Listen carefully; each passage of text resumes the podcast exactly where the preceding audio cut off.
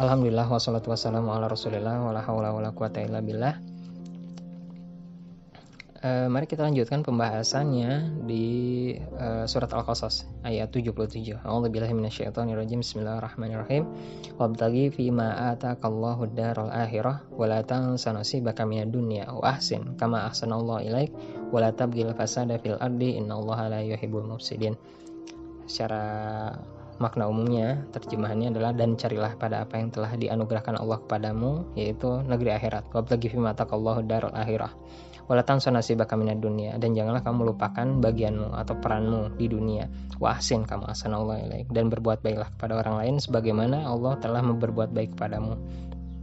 Walatabgil fasada fil ardi dan janganlah kamu berbuat kerusakan di muka bumi. Innallaha la yuhibbul mufsidin. Sungguhnya Allah tidak menyukai orang-orang yang berbuat kerusakan nah untuk memahami konteksnya kita harus melihat ke ayat sebelumnya sebenarnya. Itu konteksnya tentang korun.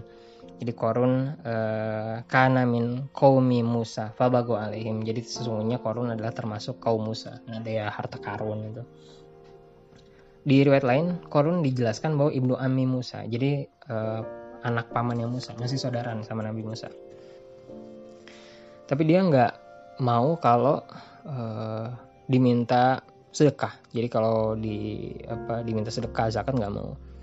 Dalam Bahrul Ulum ya tafsir Bahrul Ulum dijelaskan diriwayatkan Ibnu Abbas radhiyallahu anhu anhu qala. Nah ketika itu uh, Allah menyuruh Nabi Musa untuk uh, apa uh, menunaikan zakat. Jadi nyuruh orang-orang yang mampu itu untuk berzakat. Nah, datanglah Nabi Musa kepada Korun untuk naik zakat nih. Nyuruh zakat kepada Korun. Inna Allah Ta'ala maroni an akhudha min malikal zakat. Jadi eh, saya disuruh Allah untuk ngambil dari hartamu itu zakat. Fa'ati min kulli mi'atai dirhamin satu darahim. Jadi kalau zakatnya 200 dirham, maka zakatnya 5 dirham. Nah kemudian falam yardu bidzalika. Lu nggak mau, korun nggak mau diminta kayak gitu. Cuma kalau ya udah atik mingkul limi atai dirhamin dirhaman. Ya udah kalau kayak gitu setiap 200 tadi kan 200 5 ya. 200 dirham 5 dirham zakatnya. Sekarang kulimi atai dirhamin dirhaman. Ya udah setiap 200 dirham satu dirham aja. Itu pun nggak mau. Falam yardu bidzalika berarti berapa itu? Uh, 200 dirham satu dirham. Berarti satu 0,5 persen ya? Kayak pajak UMKM ini falam yardu bidzalika. Nah kemudian eh, nggak uh, mau juga. Korun nggak mau. Fakola lahu ya udah. Ati mingkuli alfi dirhamin. Nah sekarang bukan 200 lagi 1000 ya udah kalau nggak mau 5 dari 200 satu dari 200 nggak mau juga sekarang 1000 satu aja. Ati mingkuli alfi dirhamin maka berilah atau tunaikanlah zakat bayar zakatnya setiap seribu dirham itu dirham satu dirham. Falam yardo nggak mau juga korun. Nah ini yang membuat korun memang nanti dibahas bahwa nanti waktu gifima atakallah darul akhirah itu maksudnya nanti sedekah di tafsir-tafsir yang lain. Nah uh, di antara hikmahnya adalah kalau korun in nama uti itu nah sekarang ada korun kenapa? Merasa kayak gitu tuh nggak mau kenapa? Nah kalau korun in nama uti itu ala ilmin indi. Wah saya tuh kaya kata korunnya karena apa? Karena banyak hartanya. Wah punya harta banyak nah. wajar lah kaya gitu. Jadi mikirnya korun kayak gitu. Nah kemudian wakola firiwayah itu yang lain riwayat yang lain itu uh, dia itu paham atau Wakana Korun akro rojul fi bani Israel bitaurat. Jadi setelah Nabi Musa, kemudian e, Nabi Harun, nah yang akro, yang dia dapat baca Taurat itu e, Korun. Jadi dia kaya dan terbelajar. Tapi dia mengaku Pak Muti itu dari kalifat li ilmi. Dia mengaku bahwa saya itu diberikan oh kekayaan kayak gini hartanya banyak. Itu lifat li ilmi. Kayaknya karena saya pinter aja. Jadi hati-hati yang merasa oh wajar lah dia mah apa atau apa orang ngerasa bahwa iyalah saya mah ada banyak hartanya ada pintar. Hati-hati sifat korun ada di situ tuh. Nah waktu tuh bidal ilm mustahikon li fadlil mali maka berhak dong wajar dong ya. Bidal ilm mustahikon li fadlil mal nah, ada yang riwayat berpendapat bahwa dia menguasai ilmu di antaranya kimia jadi dia paham banget tuh yang namanya emas. Ini kurungnya maka waktu fima atakallah darul akhirah itu uh, di antara maknanya ya. Di antara maknanya misalnya menurut tafsir Al-Qur'an Al-Azim Ibni Abi Hatim menurut beliau maknanya tasodak maka bersedekahlah. Nah, jangan kayak korun bersedekahlah. Waqarib ilallah. Nah, yang kedua mendekatlah kepada Allah. Kemudian wasil arham dan bersilaturahmilah. Jadi jalin silaturahmi jangan enak sendiri main sendiri gak mau apa silaturahmi udah udah mah banyak hartanya. Gak mau silaturahmi gak mau bersedekah. Nah itu sifat-sifat yang korun yang kayak nah kemudian uh, walatan sanasi bakamina dunia. Nah apa mananya walatan sanasi bakamina dunia? Nah uh, menurut Mujahid wa ibnu Zaid itu lata truk antakmal fi dunia kali akhiratika hatta tanjumin adabillah jadi jangan sampai kamu meninggalkan bahwa uh, apa yang kamu lakukan di dunia itu tidak menyelamatkan kamu di akhirat. Jadi jangan sampai lah gitu. Uh, penafsirannya. Nah, menurut saya Ali bagaimana? Latansa sihataka. Jadi saya Ali lebih spesifik, langsung di apa? Uh, lebih detail penjelasannya. Jangan lupa sihataka. Nah, latansa sihataka kesehatanmu, wakuataka kekuatanmu, wa wasyababaka apa? Uh, jiwa muda ya jadi apa usia mudamu uh, wanasya ataukah kan kalau misalnya uh, muda masih apa masih uh, produktif ya masih semangat ya wagina kak nah, kayakan kekayaanmu antat lubah bihi al akhirah nah itu semuanya untuk apa diorientasikan kepada akhirat nah itu yang walatan sanasi bakamina dunia itu kayak gitu Nah, kemudian wa ahsin kama ahsanallahu ilaik. Wa ahsin. Jadi Allah sudah baik mengasih kan pada pada dasarnya semuanya milik Allah. Lillahi ma fis samawati wa ma fil ard. Yang pertemuan eh, sebelumnya dibahas ya. Kemudian asin kama ahsanallahu ilaik. Maka berbuat baiklah sebagaimana Allah telah berbuat baik. Nah, yang punya siapa? Udah dikasih. Kasih lagi dong. Jadi kalau kamu diamanahkan kepada orang ya dari orang yang punya, misalnya saya punya uh, harta kemudian mewasiatkan kepadamu tolong ini hartanya dimanfaatkan juga jangan sama jangan oleh kamu aja tapi tolong dimanfaatkan juga dengan yang lainnya kasih ke orang lain juga biarkan orang lain menerima manfaatnya juga. Tapi kamu nggak mau. Nah ini. Wasin maka di uh, kitab al hidayah ila ini ya fi ilmil ma'anil quran wa tafsir ini dijelaskan bahwa ada seorang dari kaumnya Karun. Jadi Korun uh, apa di jadi penduduknya juga kaum Bani Israel juga Qala kaum Korun lahu. Jadi iltamis fil mali ladzi a'taqahullah jadi iltamis. Bahasanya pakai iltamis. Iltamis tuh gini boh ya iringilah lah. Kamu kan udah dikasih. Iringilah juga dengan nah gitu. Atau kalau ada roh bil amal soleh. Lakukan juga amal soleh gitu. Jadi diperingatkan sama orang apa uh, orang Bani Israel ini salah satu kaum Karun kan di di Quran surat Taubah tadi. Wasayallahu amalakum. Jadi ikmal kan? Jadi disuruh bekerja. Di sini amalu soleh. Maka ada kaitannya bahwa amalu soleh kadang dikiaskannya atau ditafsirkannya dengan sedekah. Bahwa ya sedekah gitu.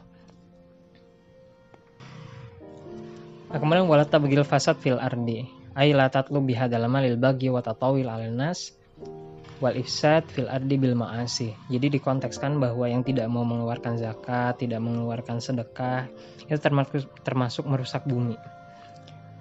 Karena maksiat. Nah, konteksnya gimana? Bahwa di sini sebenarnya menyinggung tentang ketimpangan juga sebenarnya. Kalau dia tidak keluar, maka secara uh, apa? Secara hubungan sosial itu berdampak sangat berdampak kalau misalnya yang yang hartanya itu dia berputar hanya di eh, orang-orang uh, yang kaya. Jadi tidak yang kaya menahan harta. Maka tidak ada perputaran di situ. Nah, itu sebenarnya menyinggung ke situ. Kalau dibahas dalam tafsir kontemporer,nya pasti membahas ke arah situ. Di samping yang uh, apa? ayat yang menyinggung tentang uh, spesifik ya kemudian ditutup dengan uh, ayat yang terakhir ya di apa di kalimat yang terakhir di ayat tersebut Innallaha la yuhibbul mufsidin. Jadi dikiaskan bahwa maksiat itu sebenarnya berkaitan dengan kerusakan di bumi. Kalau dalam konteksnya, konteks sosialnya tadi harta. Nah, harta harus berputar, harta harus eh, apa? diserahkan kepada yang berhak melalui apa? melalui mekanisme tertentu, misalnya zakat. Nah, uniknya ada lagi nih. Uh,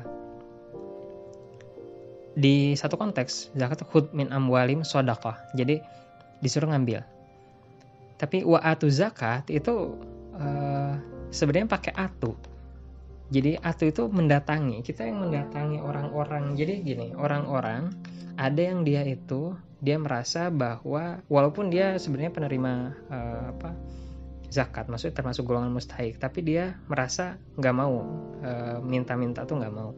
Dia masih bekerja. Padahal dia termasuk orang mustahik ya.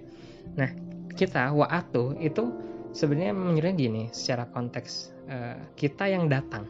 Atayati itu sebenarnya datang wa'atu kita yang mendatangi orang itu gitu. Nah e, maka sebenarnya kalau di apa di maknai ya sebenarnya kita yang ngasih. Jangan nunggu minta gitu loh. Kalau merasa kalau merasa cukup oh ini udah cukup nih ada kelebihan nah berarti kasih ke yang membutuhkan. Nah wa'atu azakat jadi nggak nggak nunggu diminta enggak kasih. Kita yang kasih. Gitu ya mungkin bahasannya sementara ini. Silahkan dipahami kemudian digali lebih dalam maknanya man maknanya apa? Eh, setidaknya ada beberapa hal yang dapat kita ambil ya dari ayat pertama yang atau bahas 105 dan Al-Qasas 77 bagaimana tuntunan-tuntunan dalam eh, mengelola harta. Tidak apa usahakan jangan uh, jangan ditumpuk atau ditimbun terlalu lama, usahakan berputar. Kemudian datangilah orang-orang yang butuh ya, orang-orang yang butuh kasihlah. Jangan merasa bangga uh, bahwa apa yang didapat harta itu merupakan hasil dari kepintaran kita. Seperti sifat korun tadi wajar dong ya katanya. Karena saya pintar wajar banyak hartanya. Dimintain zakat tapi nggak mau kikir sama Nabi Musa nggak mau kalau dimintain zakat. Bahkan seribu banding satu pun nggak mau saking kikirnya. Di apa uh, ayat 105 juga menjelaskan tentang dia taubah ya kalau taubah uh, konteksnya tadi. Jadi ada orang-orang yang di mana dia kalau dulu kan Baduy ya Arab Baduy. Uh, di mana dia itu merasa berhak merasa berhak, berhak atas sesuatu padahal dia tidak mengusahakannya. Nah jangan sampai seperti itu.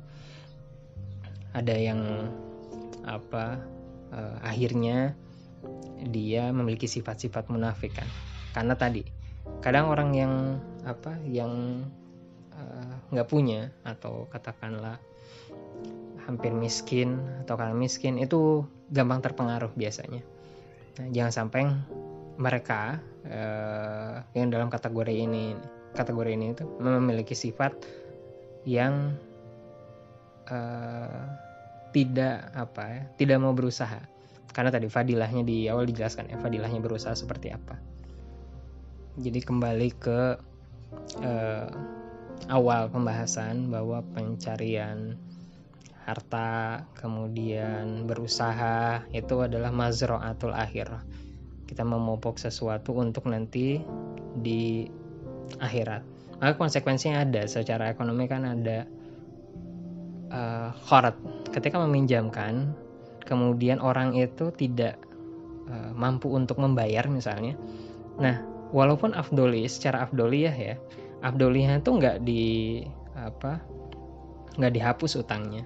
Misalnya utang satu juta kita nggak bilang dia nggak ketika jatuh tempo udah eh, nggak usah bayar nggak gitu tapi afdoliyahnya itu ditangguhkan nah dengan ditangguhkan ada proses di situ ada proses di mana orangnya ini akan mencari cara untuk membayar. Ada proses usaha. Nah, usaha itu nanti ada multiplier effect di orang itu dapat pahala kemudian. Nah, sekaligus di orang yang meminjamkan ini si lendernya ini dia pun dapat pahala karena dia meminjamkan ke orang yang membutuhkan. Beda kalau misalnya nggak membutuhkan.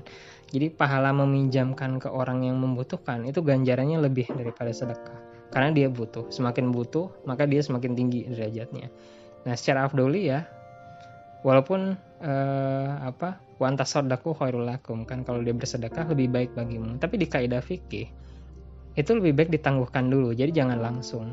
Dan di tafsir Syekh Mutawalli Asy'arawi dijelaskan dan dia setiap harinya itu akan mendapat ganjaran sedekah. Jadi nggak perlu sedekah. Misalnya eh, bukan nggak perlu sedekah tapi eh, dia mendapatkan ganjaran sedekah meskipun dia tidak bersedekah. Karena dia meminjamkan uh, uang ke orang, kemudian orang itu tidak mampu bayar, dia tangguhkan temponya. Nah, dia selama jangka waktu itu dia uh, selalu mendapatkan pahala sedekah. Gitu ya. Wallahu a'lam bishawab. Wabillahi taufiq walhidayah. Wassalamualaikum warahmatullahi wabarakatuh.